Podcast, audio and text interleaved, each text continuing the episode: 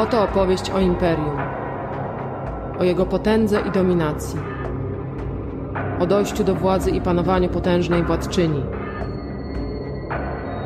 Wielkie mocarstwa powstają w wyniku prania mózgów, na bezlitosnym podporządkowaniu społeczności owadów, kaście reproduktorów i kapłanów.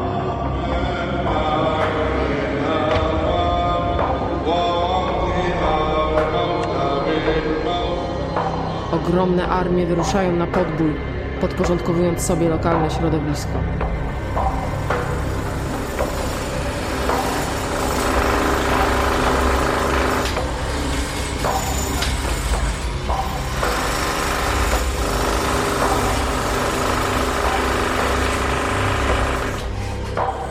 Kacper Jerzy Piwowarek i Radio Waroza. Trylogia o Bielce. Biologia termitów, technologia termitów, cywilizacja termitów.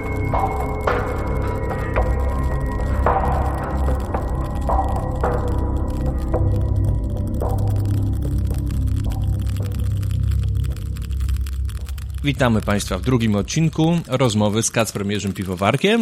Poprzednio rozmawialiśmy o powstaniu życia na Ziemi, o innych koncepcjach niż y, mainstreamowe niż główne, e, a także o mm, wspólnym przodku owadów, stawonogów i o biologii karaczanów. Teraz przechodzimy do zwierząt, owadów społecznych, e, jakimi są termity, które należą do karaczanów. Według e, filogenezy, według porównywania genetycznego, tak? Czyli tak. kladystyki. Według współczesnej kladystyki. W takim razie, czym się charakteryzują te karaczany w porównaniu do innych?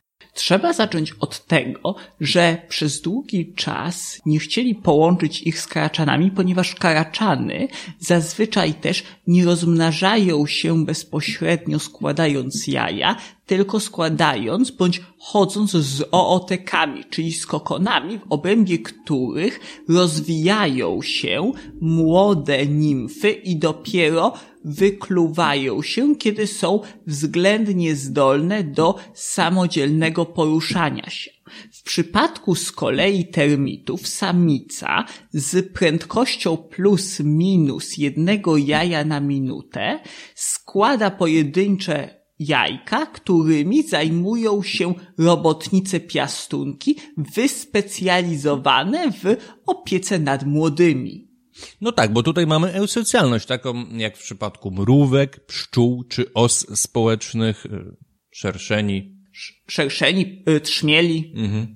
Jest to jednak o tyle niesamowite, że termity w przeciwieństwie do błonkówek mają swoją eusocjalność, która równocześnie nie daje się sprowadzić do teorii chromosomalnej, ponieważ wszystkie osobniki są diploidalne, wszystkie osobniki są zarówno płci męskiej, jak i żeńskiej, co jest też ważne, każdy osobnik potencjalnie w dowolnym momencie może rozwinąć się w formę dojrzałą płciowo oraz co jest też bardzo istotne, mają rozwój nie zupełne przeobrażenie, lecz przeobrażenie niezupełne. To znaczy, że już od chwili narodzin są zdolne do poruszania się po kolonii.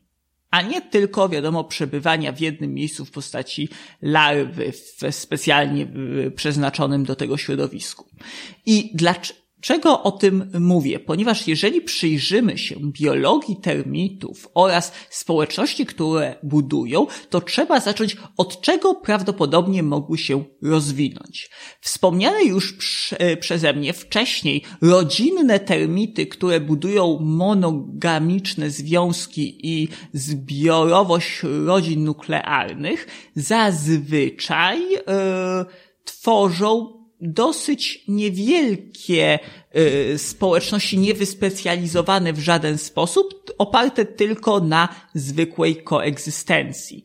Co najważniejsze, one już posiadają y, bakterie oraz pierwotniaki, które odpowiadają za trawienie drewna. I teraz, jeżeli przyjrzymy się kolejnym najprymitywniejszym termitom, które obecnie istnieją i też są zaliczane do żywych skamieniałości, to są tak zwane Mastotermes darwin, darwines, które są jednym z największych utrapień w Australii, ponieważ żyją w Australii i które są znane z tego, że atakują domy i zjadają drewno. Nazwa gatunkowa, jak rozumiem, jest na cześć Karola Darwina, tak? Tak jest, który je jako pierwszy precyzyjnie opisał. I Mastodermes darwines są y, o tyle ciekawe, że one dopiero pozwoliły nam stworzyć powiązanie między karaczanami a termitami ze względu na y, genom, ale paradoksalnie nie samych termitów, ale przede wszystkim na florę bakteryjną, ponieważ Mastotermes darwines posiada w swojej florze bakteryjnej bardzo wiele pierwotniaków, tak, pierwotniaków specyficznych dla karaczanów. I po tym można było stwierdzić, że są to stworzenia, które są z karaczanami spokrewnione. Jeżeli się przyjrzymy ich biologii, to zauważymy, że wykazują bardzo wiele cech neotenicznych. W praktyce termity wyglądają jak karaczany, które całe swoje życie zachowują cechy nimfoidalne. Jest to o tyle interesujące, że pozwala nam spojrzeć z innej perspektywy na rozwój eusocjalności. W momencie, kiedy wszystkie osobniki są diploidalne, musimy się zastanowić, co mogło spowodować rozwój eusocjalności bez e, bawienia się w stopień spokrewnienia. Z tego co wiem, aktualnie się też uważa, że u błąkówek nie tylko dobór krewniaczy, inaczej nie, sam dobór krewniaczy nie jest warunkiem e, totalnym, to znaczy jedynym wystarczającym. Natomiast u termitów one jakby sobie mm, w stosunku do błąkówek rekompensują to, że są diploidalne tym, że są monogamiczne i wtedy też e, jest duży stopień pokrewieństwa w jednej kolonii, tak, tak czy nie? Tak, natomiast jest coś jeszcze istotniejszego, a mianowicie kultury bakteryjne. Prawdopodobnie u nich kluczową rolę odgrywają specyficzna flora bakteryjna, po której rozpoznają y, najbardziej spokrewnionych ze sobą pobratymców. Dlaczego? Ponieważ flora bakteryjna wpływa na wytwarzane substancje, wpływa na hormony, wpływa też oczywiście na epigeną, wpływa na zachowanie, a tym samym sprawia, że osobniki mogą wykazywać cechy, których bez posiadania odpowiednich symbiotów by nie wykazywały. Przede wszystkim bardzo możliwe, że rozwój cech neotenicznych był właśnie spowodowany pojawieniem się specyficznej flory bakteryjnej, która sprawiała, że osobniki zamiast dorastać i zakładać własne rodziny, całe życie pozostawały niedojrzałe i zamiast same się rozwijać, uczestniczyły cały czas w życiu swojej, e, swoich rodziców w życiu pary rodzicielskiej. W ten sposób mogły powstawać małe na początku grupy, które potem robiły się coraz większe, w których nie było niezależnego rozmnażania się wszystkich osobników, a wyspecjalizowana grupa reprodukcyjna produkowała przeważającą nad nią większość osobników, które opiekowały się potomstwem zamiast dojrzewać i iść własną drogą. Równocześnie tego typu opóźniony wzrost sprawiał, że organizmy takie wykazywały znacznie większą plastyczność behawioralną i znacznie większą plastyczność neurologiczną niż gdyby osiągnęły dojrzałość bo dzięki temu cały czas mogły ulegać przekształceniom yy, pod wpływem otaczającego je środowiska, pod wpływem interakcji, z jakimi wchodziły i tak dalej. Czyli flora bakteryjna jest, jak się przypuszcza, yy, niezbędnym elementem zajścia ewolucyjnej eusocjalności u termitów. Przypuszcza się, że tak, mamy nawet ku temu poparcie, jeżeli zbadamy pewną grupę termitów zwaną y, termitami żniwiarzami, Hodotermes, y, przede wszystkim Hodotermes mozambicus, które znane są z tego, że zbierają, y, ścinają trawę, krzewy i zabierają je do gniazda, ponieważ w warunkach, w których utrzymują trawa, trawy z, przez nie zebrane butwieją, następnie dochodzi do tego, że wyspecjalizowana do tego kasta tym pokarmem za pomocą trofalaksji karmi wszystkie pozostałe. I to, jak będą się nawzajem karmić oraz czy jakiegoś osobnika będą karmić, zależy w dużej mierze od tego, czy są nośnikami analogicznych szczepów bakterii. Do tego stopnia, że robotnicy nawet mogą osobnika o innym zbiorze szczepów bakteryjnych odpędzić, a nawet zabić. I jak przypuszczam, mm, tutaj odbywała się też selekcja naturalna tych szczepów bakterii, dlatego można by powiedzieć, czy cała termitiera w takim razie, ewolucyjnie rzecz biorąc, ekologicznie ewolucyjnie rzecz biorąc, nie jest fenotypem rozszerzonym bakterii, tych szczepów bakterii, które żyją z, dzięki związkowi metabolicznemu z termitierami. No, w dużej mierze tak. Dlaczego? Bo jeżeli popatrzymy na hodowlę bakterii, późniejszą też hodowlę grzybów, dojdziemy do wniosku, że mamy gigantyczny układ mikrobiologiczny, który w niezwykły sposób wpłynął na fenotyp i na całą historię filogenetyczną danego gatunku wielokomórkowych zwierząt. Ponieważ właśnie życie eusocjalne termitów perfekcyjnie pokazuje, jak bakterie i też inne pierwotniaki generalnie mikrobiom, flora bakteryjna, chociaż wiadomo, że w całym mikrobiomie są i wirusy, i grzyby, i tak dalej, wpływa na zachowanie. I nie jest to oczywiście tylko w przypadku bezkręgowców, bo wiemy, że w przypadku ludzi również to odgrywa bardzo istotną kwestię. Wiemy, jak na wpływa na zdrowie, na psychikę, na preferencje seksualne, preferencje pokarmowe.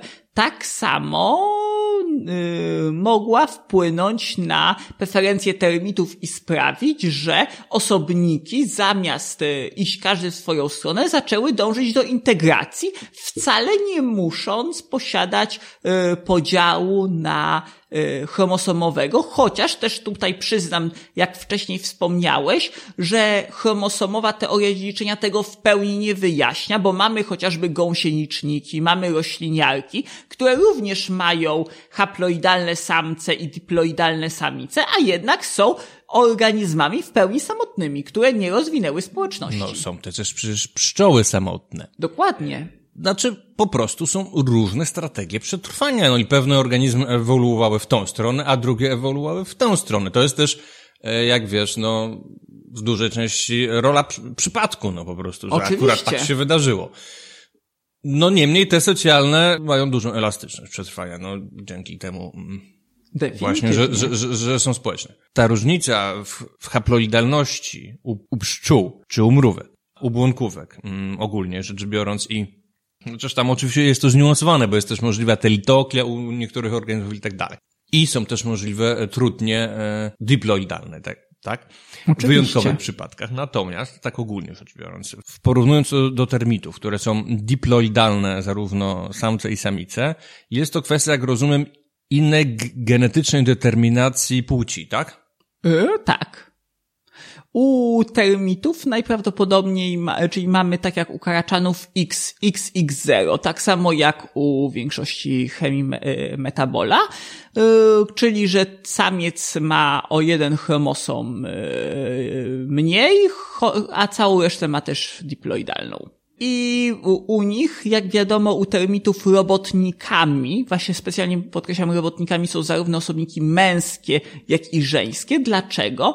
Ponieważ to, jaką florą bakteryjną będą miały największą styczność oraz z jaką częścią z tych szczepów bakteryjnych będą miały największą styczność, determinuje też to, w co się przekształcą. Bo wiemy, że chociaż wiadomo, że z każdy termit, w tym przede wszystkim królowa, wytwarza feromony, za pomocą których wpływa na zachowanie i na rozwój y, innych osobników w roju, to jednak wiemy również, że bardzo istotną rolę w tym rozwoju pełnią właśnie mikroby, które również bardzo wpływają na y, gospodarkę neurohormonalną. Radio Barroso. Powiedz w takim razie, dla porządku, jak dzielą się termity? Jak, systematycznie. Y, systematycznie termity w takim najprostszym można podzielić na termity wyższe i na termity niższe. Termity niższe są to termity, które podobnie jak ich y, przodkowie karaczany posiadają we florze bakteryjnej bakterie oraz pierwotniaki, które pozwalają im trawić celulozę, a dzięki temu rozkładać drewno, rozkładać materiał roślinny i wykorzystywać go jako pokarm. Z kolei termity wyższe, czego najlepszym przykładem są chociażby makrotermes czy ontotermes, to takie termity, które z powodu utraty zdolności do przyswajania e, pokarmów w postaci drewna, ponieważ utraciły florę bakteryjną pozwalającą na rozkładanie drewna, musiały opracować inne strategie przetrwania, w tym przede wszystkim hodowlę mikrobiomu y, na zewnątrz w postaci słynnych ogrodów grzybowych, w których dochodzi dopiero do rozkładu celulozy, którą następnie wykorzystują wraz z wytwarzanymi też innymi substancjami odżywczymi jako źródło pokarmu.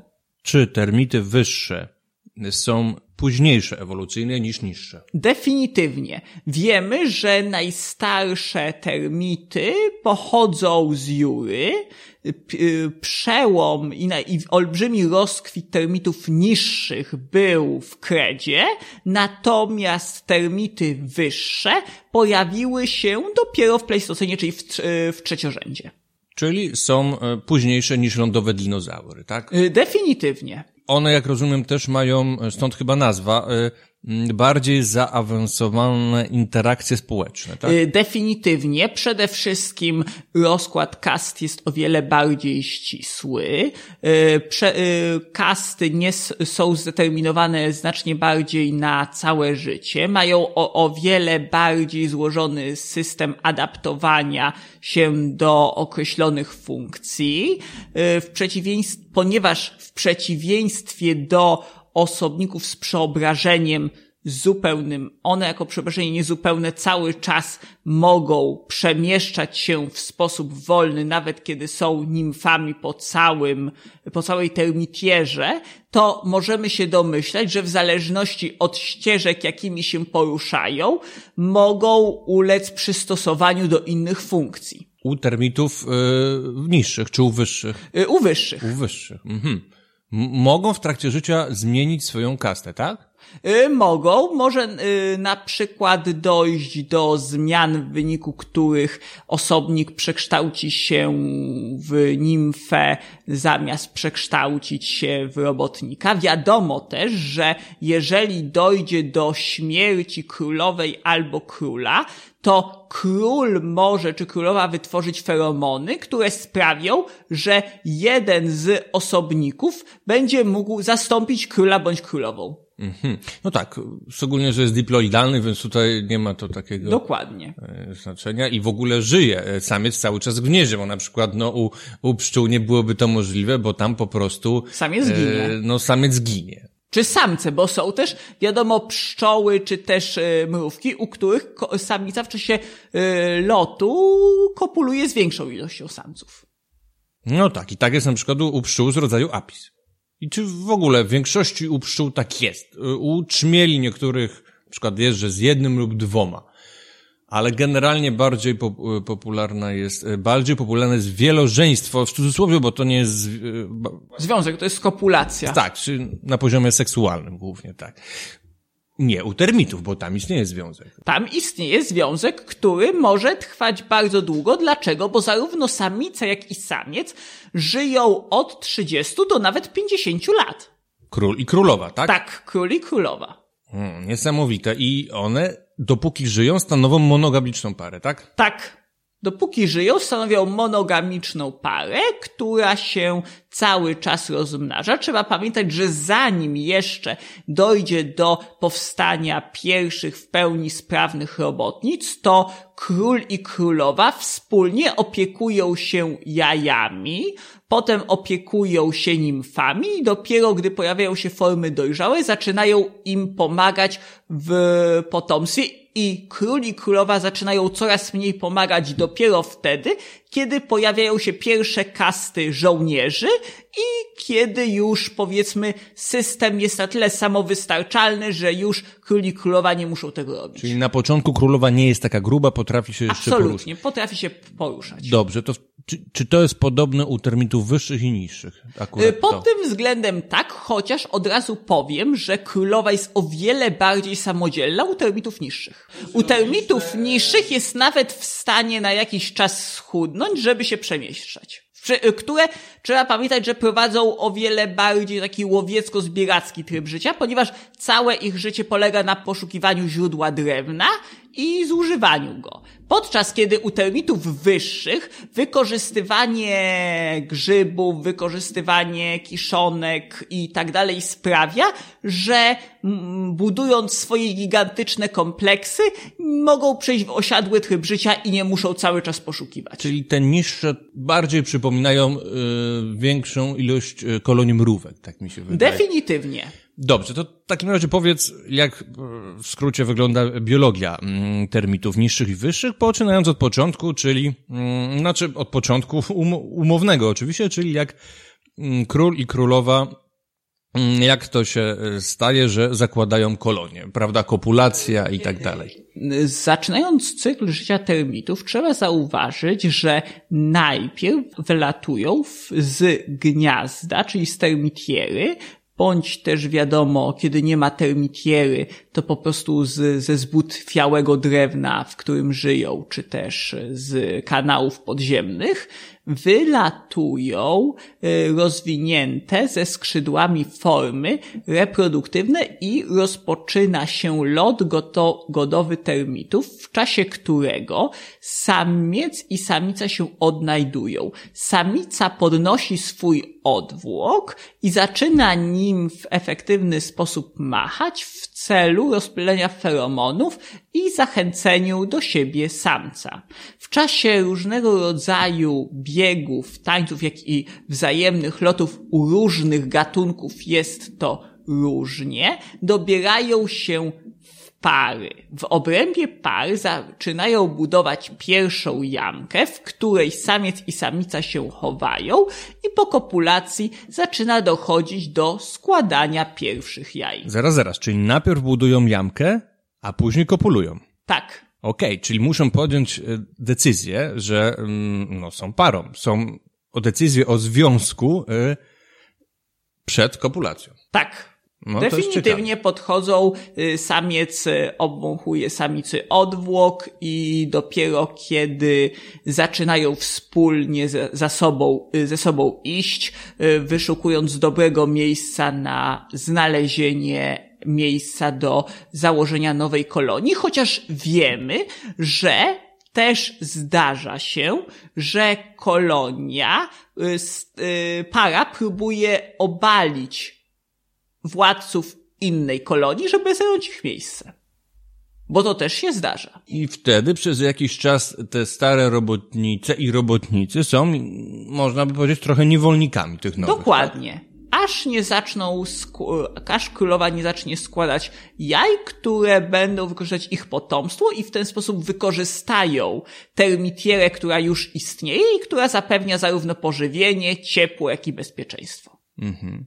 No dobrze, zakładają jamkę, ale wróćmy do klasycznego przykładu, czyli że para królowej i króla zakłada od nowa własną kolonię. Tak pojawia się pierwsze jajo, tak? Pojawia się pierwsze jajo, czy raczej pierwsze jaja i w tym momencie, ponieważ królowa y, składa te jaja, to największą część pracy zaczyna pełnić król, który opiekuje się tymi jajami, który je wiadomo czyści, który pilnuje, żeby nimfy nie uciekły, ani żeby się im nic nie stało i y, zaczyna o nie dbać, karmić je za pomocą trofalaksji, bo wiadomo, że nimfy tak trzeba Czyli karmić. król wychodzi wtedy, tak? Na zewnątrz zdobyć pokarm. Tak, i król się... Królowa też, czy? Y, królowa zostaje okay. i królowa y, zaczyna, jakby zaczyna składać coraz więcej jaj, aż do momentu, w którym y, role wszystkie mogą, może już pełnić, mogą pełnić bracia i siostry którzy, których jest już dostateczna ilość, że pokole, pierwsze jakby pokolenie może opiekować się drugim pokoleniem. A do tego czasu, no wiadomo, muszą to, musi to robić para królewska. Czasami kilka par królewskich, bo też zdarza się, że spotykamy kolonie, w których na przykład mamy kilka par królewskich i co jest ciekawe, czasami jest tak, że kopulują między sobą, a czasami jest tak, że tylko kopulują w obrębie pary. Czy te pary królewskie których jest kilka w jednej kolonii. Tak. E, są ze sobą z blisko spokrewnione, czy nie? Y, nie, nie muszą. Nie muszą. Nie mhm. muszą. Mhm. No to ciekawe. Nie muszą. Właśnie to jest niesamowite, że rzeczywiście nie muszą być ze sobą blisko spokrewnione. Okej, okay. wtedy jest większe zróżnicowanie pokrewieństwa wśród robotnic i robotników w o całym wiele. gnieździe. I właśnie najprawdopodobniej tutaj wchodzimy w kwestię właśnie podobnej mikroflory, bo zaczynają, wiadomo, ze sobą prowadzić trofalaksję, która jest bardzo ważnym procesem, a tym samym wymieniać swoją mikroflorę i ją ze sobą ujednolicać, a dwa, zaczynają żyć w podobnych warunkach, a tym samym zaczynają się wzajemnie kojarzyć. Bo najprawdopodobniej rola zmysłu pamięci też odgrywa bardzo ważną rolę. Okej. Okay. Wróćmy do cyklu. Oczywiście. Pojawia się coraz więcej synów i córek tej królewskiej pary. Co się dzieje? Powiedzmy też o tym tak, jak powstają różne kasty, bo robotnik i robotnica poza parą królewską to nie jest jedyna kasta, jaka jest u termitów, nie, prawda? oczywiście. Mamy, e, kiedy pojawia się pierwsze, e, pierwsze rodziny, zaczyna się pojawiać kasta jest kasta reprodukcyjnych, jest kasta robotników i kasta żołnierzy. Kasta żołnierzy jest też o tyle interesująca, że u termitów niższych jest zdolna do samodzielnego odżywiania się, a u termitów wyższych jest już niezdolna do samodzielnego odżywiania się. To kto odżywia pierwszych robotników? Pierwszych robot... U y, wyższych y, u wyższych, pierwszych żołnierzy odżywiają robotnicy wyspecjalizowani w trofalaksji.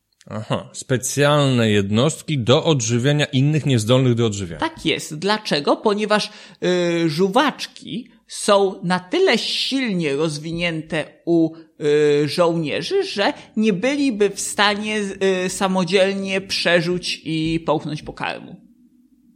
Więc muszą wykonać specjalny sygnał i poinformować yy, robotnika, że chcą pokarmu, który dopiero im ten pokarm wprowadzi do jamy ust. Czyli jak przypuszczam, w tej kolonii, gdzie są tacy żołnierze, najpierw yy, pojawiają się już do, yy, dorosłe, zdolne do pełnienia tej funkcji robo, robotnicy i robotnice, a później dopiero żołnierze, żeby oni tak. mogli być karmieni, tak? I żo y, żołnierze, jeżeli chodzi o, jeżeli przyjrzymy się powstawaniu żołnierzy, to żołnierze y, zawsze powstają na skutek zwiększenia ilości hormonu juwenalnego, czyli jakby zwiększenia tego, który odpowiada za wzrost u owadów hormonu. Zaczyna u nich definitywnie wzrastać ilość hormonu juwenalnego, zaczynają im rosnąć żuwaczki i zaczynają przypominać takie niewiarygodnie aktywne i rozbudowane fizycznie larwy. Aha. Ale jak wspomniałeś wcześniej, one są, e, wszystkie te robotnicy, e, te kasty pełniące funkcje e, pracownicze, one są jakby nie do końca dorosłymi owadami. Tak? Dokładnie. Tak? Natomiast właśnie dlatego to jest niesamowite, ponieważ y, ten sam zresztą efekt występuje u owadów, y, innych właśnie u błonkówek, że kasta żołnierzy ma pewną ilość hormonu juwenalnego sprawiającego rozrost, ale z powodu wczesne, wcześniejszych zahamowań nie rozwija się w formę płonną, a dochodzi do nienaturalnego powiększenia się, nienaturalnej pobudliwości, która jest niezbędna do walki o obronę gniazda, a równocześnie do posiadania siły i chęci do chronienia własnym życiem całego gniazda, a trzeba pamiętać, że termity mają całą masę wrogów. Niewiarygodną. Czy żołnierzami są również samice? I samce, i samice. Okej, okay, czyli to jest tak jakby, no nie w pełni dojrzały, o, nabuzowany hormonami osobnik. Tak. Nabuzowany, żeby chętnie pełnił e, no, ryzykowną rolę. Ryzykowną rolę. Głównie samobójczą, ponieważ y, zwykle niestety, czyli dla większości żołnierzy y, kończy się to śmiertelnie, ponieważ bardzo powszechną strategią u termitów jest to, że y, żołnierze wbijają się, a następnie eksplodują. Gdzie się wbijają? Wbijają się w ciało przeciwnika, a następnie wybuchają. Dlaczego? Bo są zdolni do magazynowania w swoim ciele dużych ilości kwasów i toksyn, które pod wpływem odpowiednich bodźców są w stanie rozsadzić ciało, a w ten sposób unieruchomić przeciwnika. Bądź go poparzyć. Czyli... Kamikadze. To... Tak.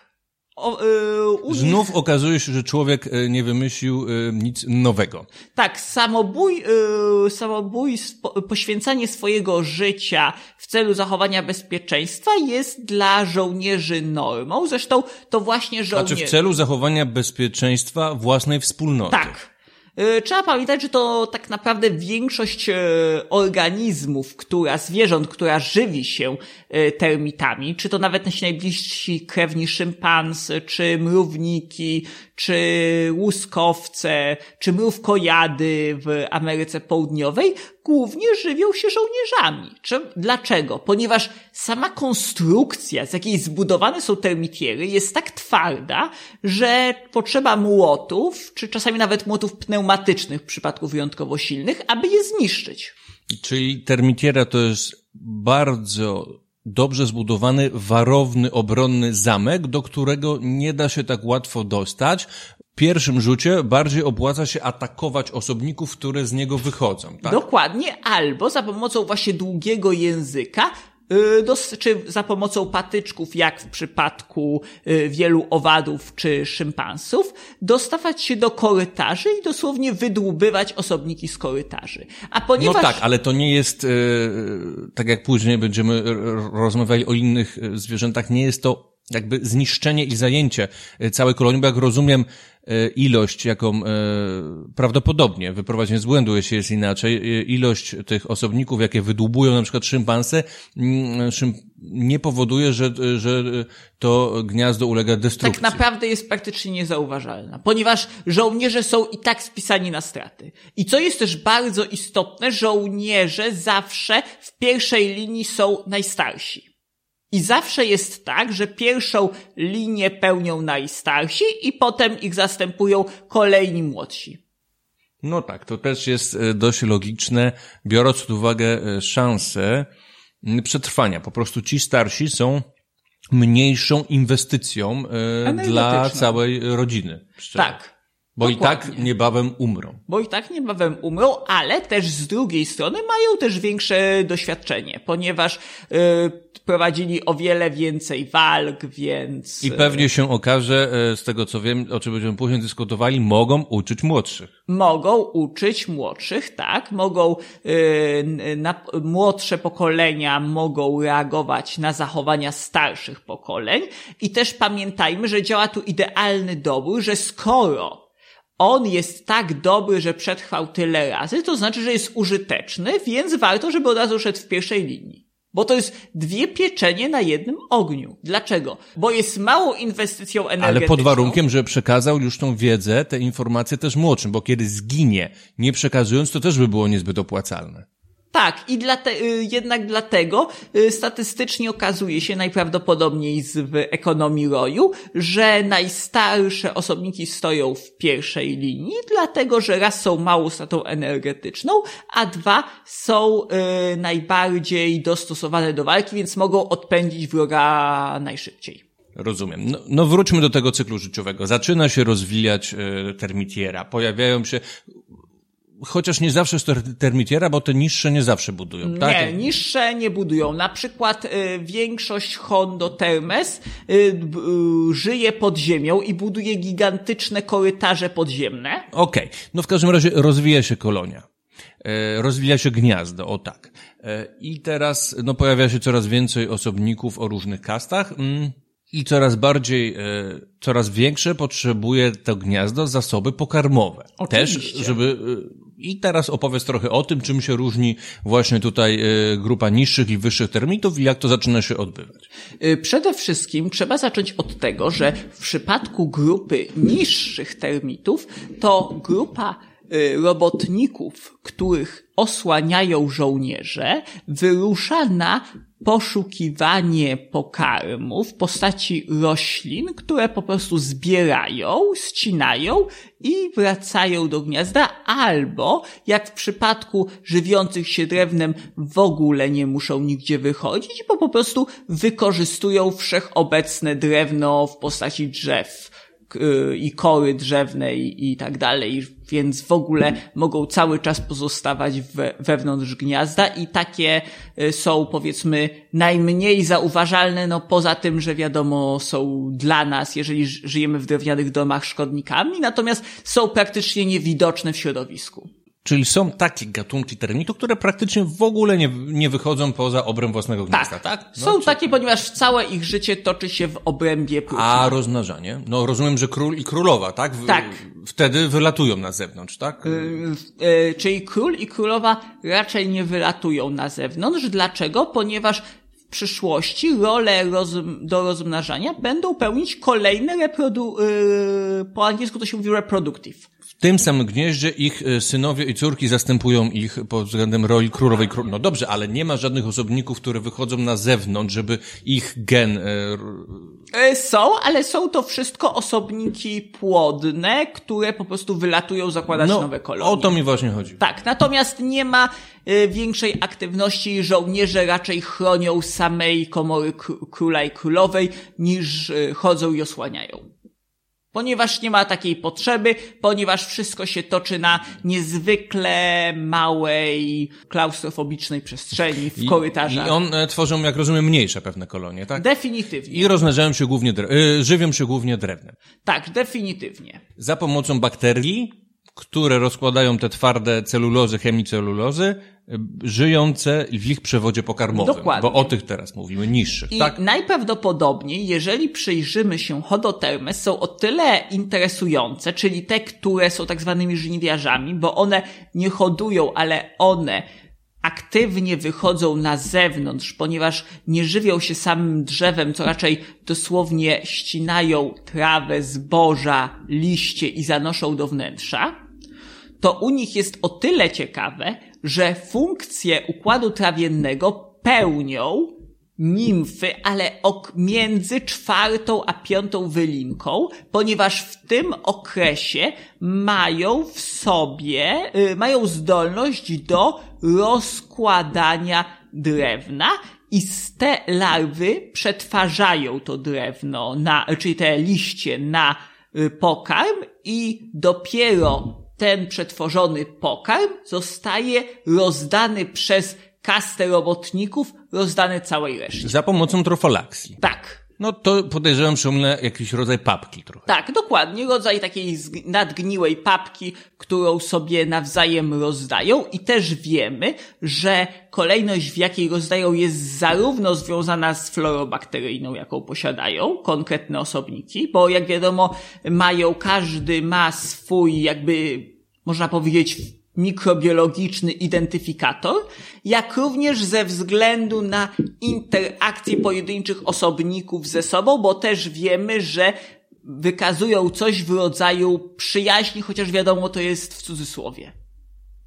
Bo nie jesteśmy w stanie ocenić, natomiast wiemy, że pewne osobniki mają większe preferencje do yy, trof, prowadzenia trofalakcji z określonymi osobnikami. Nie jest to przypadkowe. Nie jest to przypadkowe, Okej. definitywnie. Ciekawe. Czy te termity, o których właśnie teraz mówimy, żyjące w mniejszych gniazdach, nie wychodzące, żywiące się drewniem, są w takim razie na monodiecie e, tej, która jest przez bakterie produkowana w ich przywodzie pokarmowym specyficznych nimf z drewna i ta monodieta zapewnia im wszystkie e, potrzebne składniki odży- odżywcze. Definitywnie. Im to wystarczy. Są nam całkowicie monodiecie. Są całkowicie na monodiecie, ich e, pro, e, są o tyle właśnie proste, że no nic więcej nie robią. Fascynujące, że im się Nie, to nie nudzi. absolutnie. Całe życie siedzą w jednym drzewie. Tak jak, mm, no my byśmy jedli, no nie wiem, na przykład tylko kotlety przez całe życie mielone, albo tylko ziemniaki, a, albo tylko pomarańcze, tak? I ich y, życie jest dlatego o tyle bardzo ubogie i większość ludzi myśląc o termitach głównie myśli o tych, które właśnie są takimi powiedzmy właśnie karaczanowym odpowiednikiem korników. Bo w praktyce y, dziury, które robią i korytarze bardzo przypominają te, które tworzą korniki. Barroso. No dobrze, a jak w takim razie troszeczkę inaczej to wygląda u wyższych? Zaczyna się rozwijać kolonia, coraz więcej potrzebne jest... W ogóle zacznijmy od tego, że kluczowym aspektem jest to, że osobniki płodne przed wylotem biorą kawałek grzyba z kolonii, z której się narodziły. Ale to najpierw musimy wprowadzić słuchaczy, skąd się w ogóle bierze ten grzyb.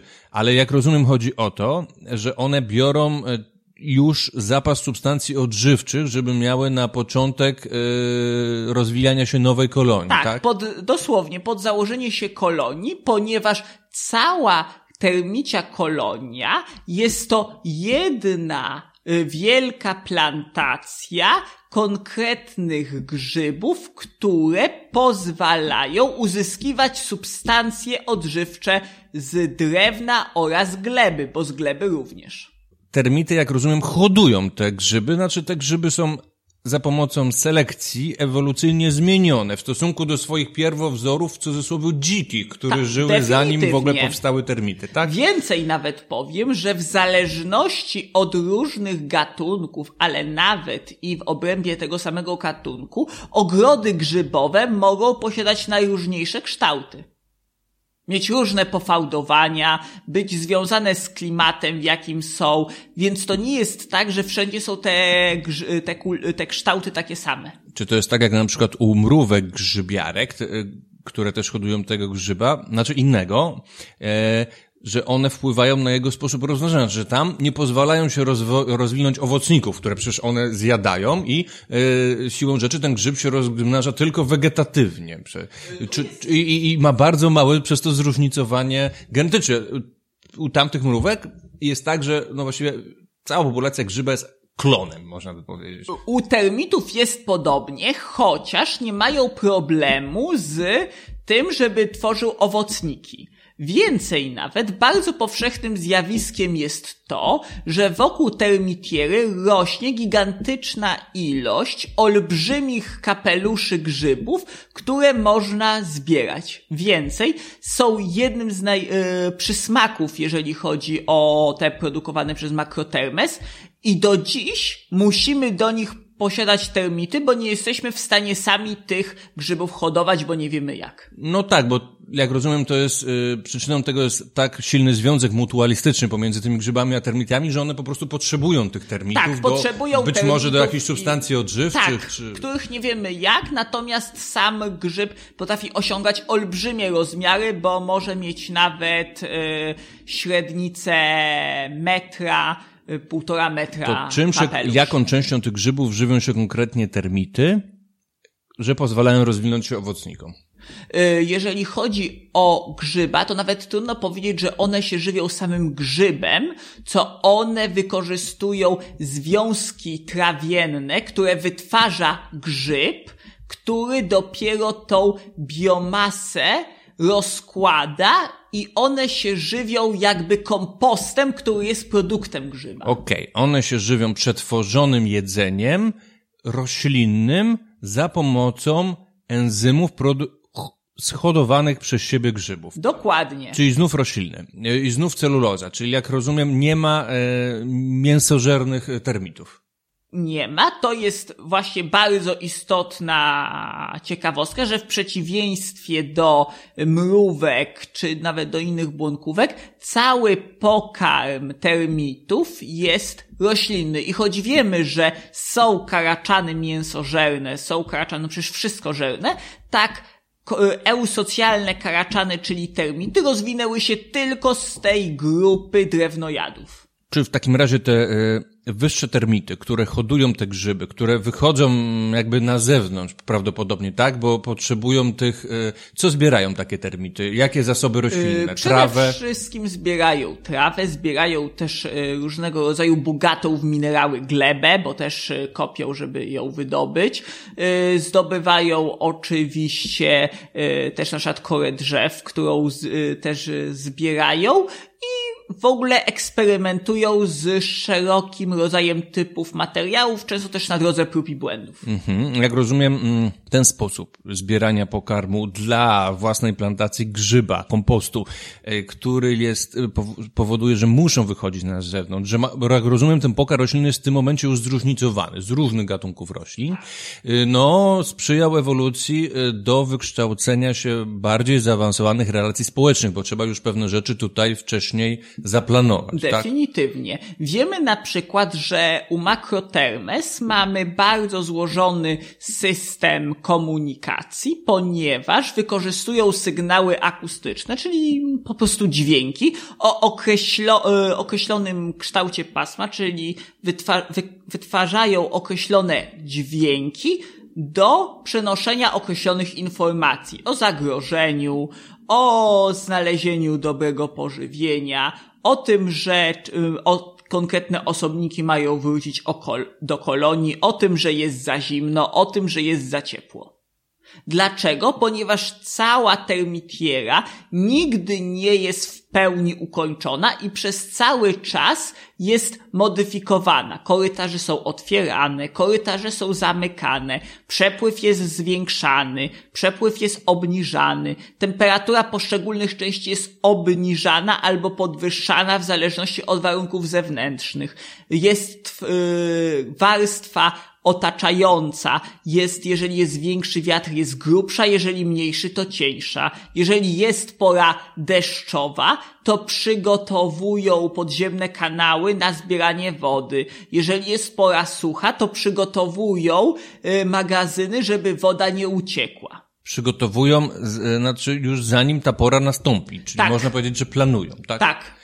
Dobrze, y, ale chodzi o to, żeby w środku tej termitiery utrzymać stałe, stabilne warunki. Tak, zarówno stabilne pH, skład minerałów, skład nawozów, skład biomasy oraz oczywiście odpowiednie ciepło, odpowiedni poziom wilgotności, żeby nie było też wiatru zbyt mocnego i żeby przepływ powietrza był yy, stabilny, ponieważ zbyt niestabilny mógłby być też bardzo niebezpieczny. Można powiedzieć w takim razie, że żyją w czymś rodzaju bańce. E, Czyli tak jak taka błona, e, która przepuszcza pewne rzeczy, a która nie przepuszcza, komórkowa, tutaj też jest to taki super organizm, który e, przepuszcza pewne rzeczy, wypuszcza pewne rzeczy. E, Przy, zaraz pewnie powiesz, ale pewnie odpadki e, też swoje odchody e, jakoś muszą usuwać na zewnątrz. Więcej, one nie, nie, one nie usuwają odchodów. One wykorzystują swoje odchody jako kompost dla grzyba i w ten sposób do, rekultywują do odtwarzania biomasy. Przez to swoje własne nieczystości wykorzystują jako nawóz. Mhm. No tak, to niesamowite.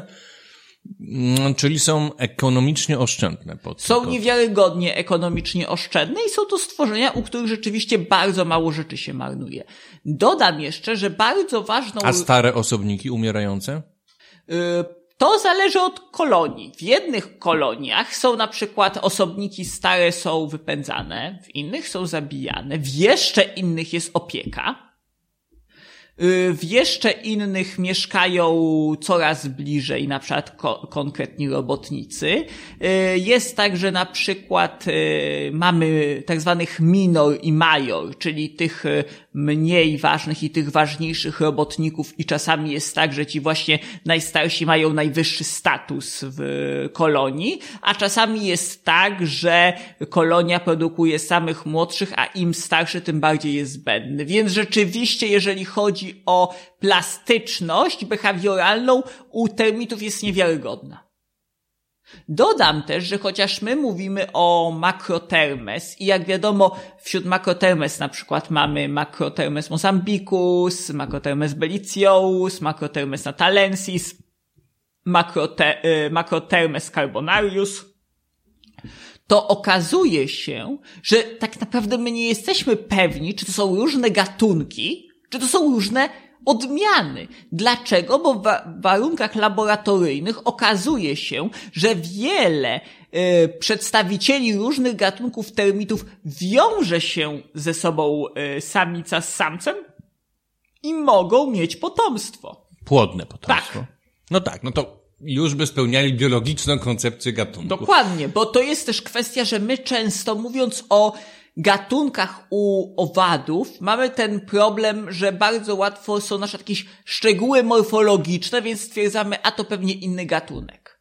Jednak bardzo szybko może się okazać, że tak naprawdę jest to błąd poznawczy, bo trzeba pamiętać, że często systematyka też zapomina, że natura nie jest nie stanowi oddzielnej grupy istot, tylko te wszystkie istoty są mniej bądź bardziej sobą spokrewnione. Ale też biologia nie ma takich skrajnych, totalnych podziałów i są też hybrydy międzygatunkowe. Oczywiście. Więc y, gatunek jest pewnym przybliżeniem. Zawsze. o tym pamiętać. O tym trzeba zawsze pamiętać, bo rzeczywiście bardzo łatwo yy, mieć taki błąd poznawczy i myśleć, że to są jakieś oddzielne gatunki. Nie. Po prostu tak dawno byli ze sobą spokrewnione dane osobniki, że ich biokatalizatory są ze sobą niekompatybilne.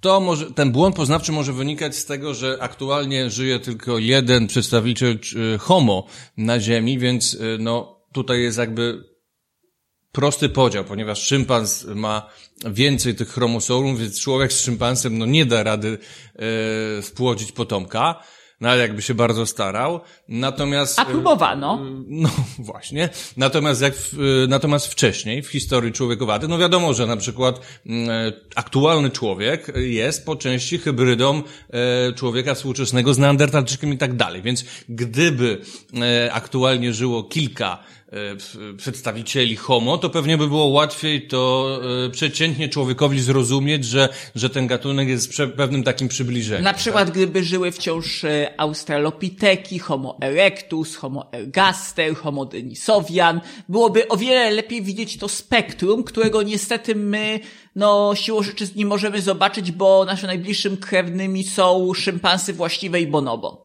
Natomiast jeżeli przyjrzymy się termitom i szerokim rodzaju oddziaływań, które zachodzą, to na przykład warto zwrócić uwagę na to, że różne termitiery mają najróżniejsze kształty i w zależności, nie jest to związane ściśle z genetyką, o tak to ujmę, ponieważ w momencie, kiedy przeniesiemy z jednej kolonii do innej, to osobnik zaczyna prowadzić pracę w taki sposób, jak byłby członkiem tej kolonii, w której jest.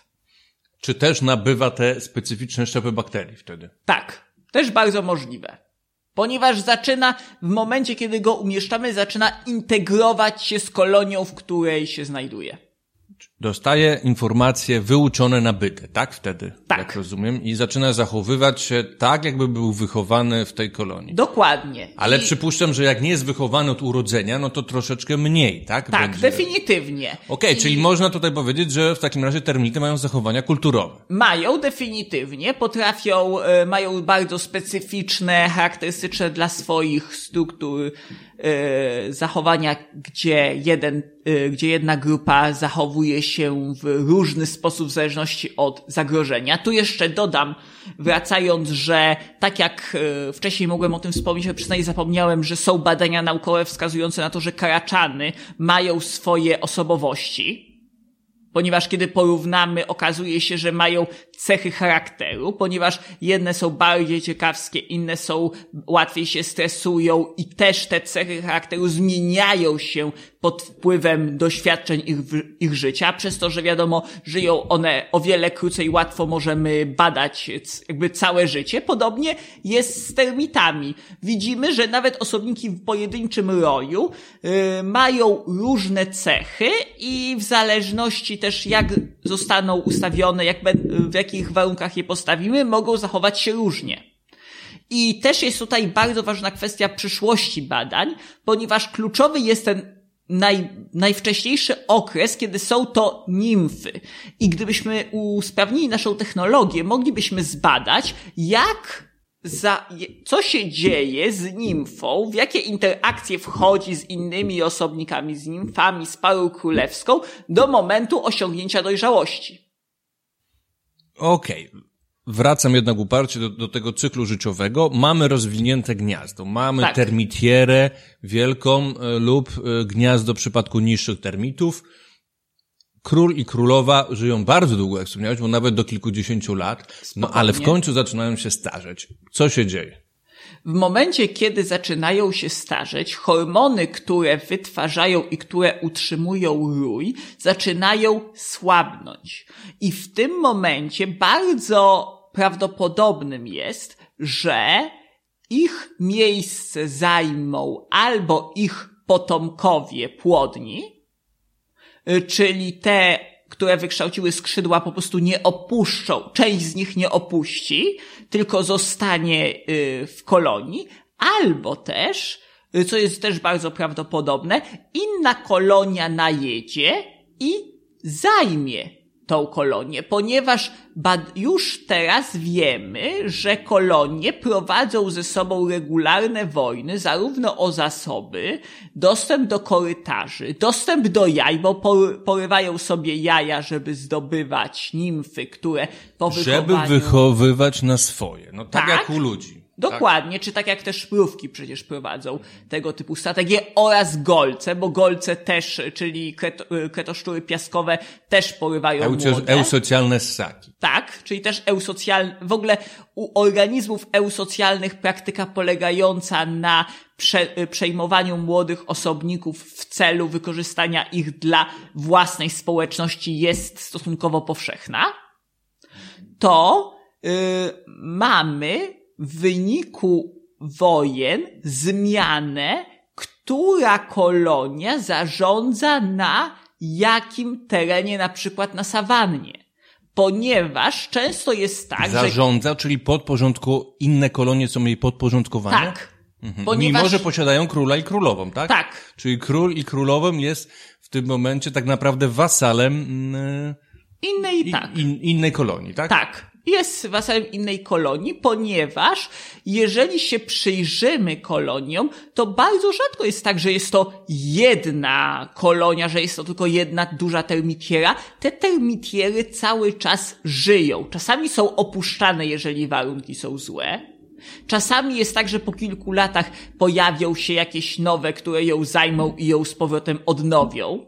Więc cały czas na sawannie, szczególnie, ale też w innych terenach, relacje między termitami są bardzo istotną część, y, rzeczą wpływającą na całe środowisko sawanny, ponieważ to wpływa na tym, jakie korytarze są budowane, w jakich kierunkach są budowane, które termitiery są zajęte, a które opuszczone, które wytwarzają dużo biomasy, a które mniej, której części jest więcej nawozu, a w której mniej. Zresztą też trzeba przyznać, że bardzo ważną kwestią jest to, że nie zawsze kończy się tak, że po prostu jest przej przejęcie razem z królem i królową, bo czasami jest tak, że wrodzy żołnierze zabijają króla i królową y, roju, który mieli podbić i co się wtedy okazuje, że wcale tamte nie, nie walczą do końca, tylko w momencie, kiedy król i królowa zostaną pokonani, to przyłączają się do tej grupy, która wygrała.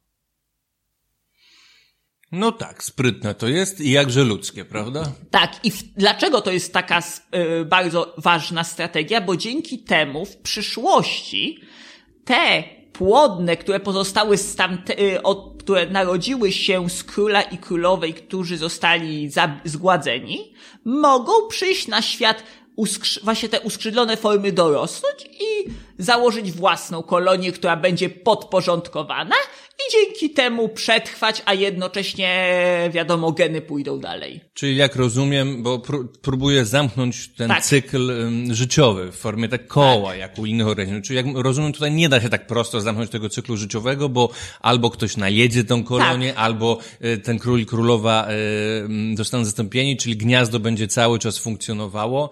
Ale czy, czy są takie przypadki, gdzie po prostu naturalnie wymrze po prostu y, ze względu na starość? Czyli królowa? powiem tak.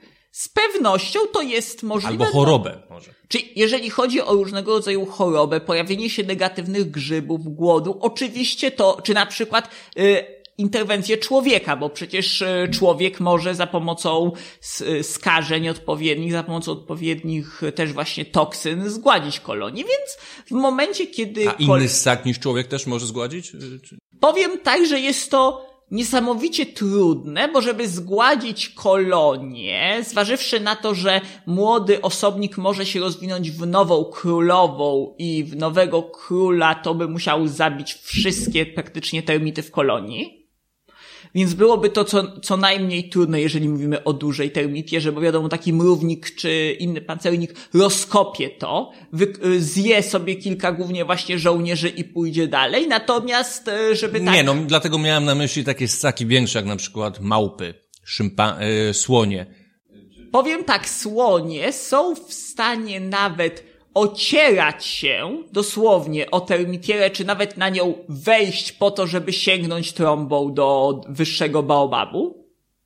I termitiera jest w stanie to wytrzymać, bo jest twardsza niż e, nasze najtwardsze betony.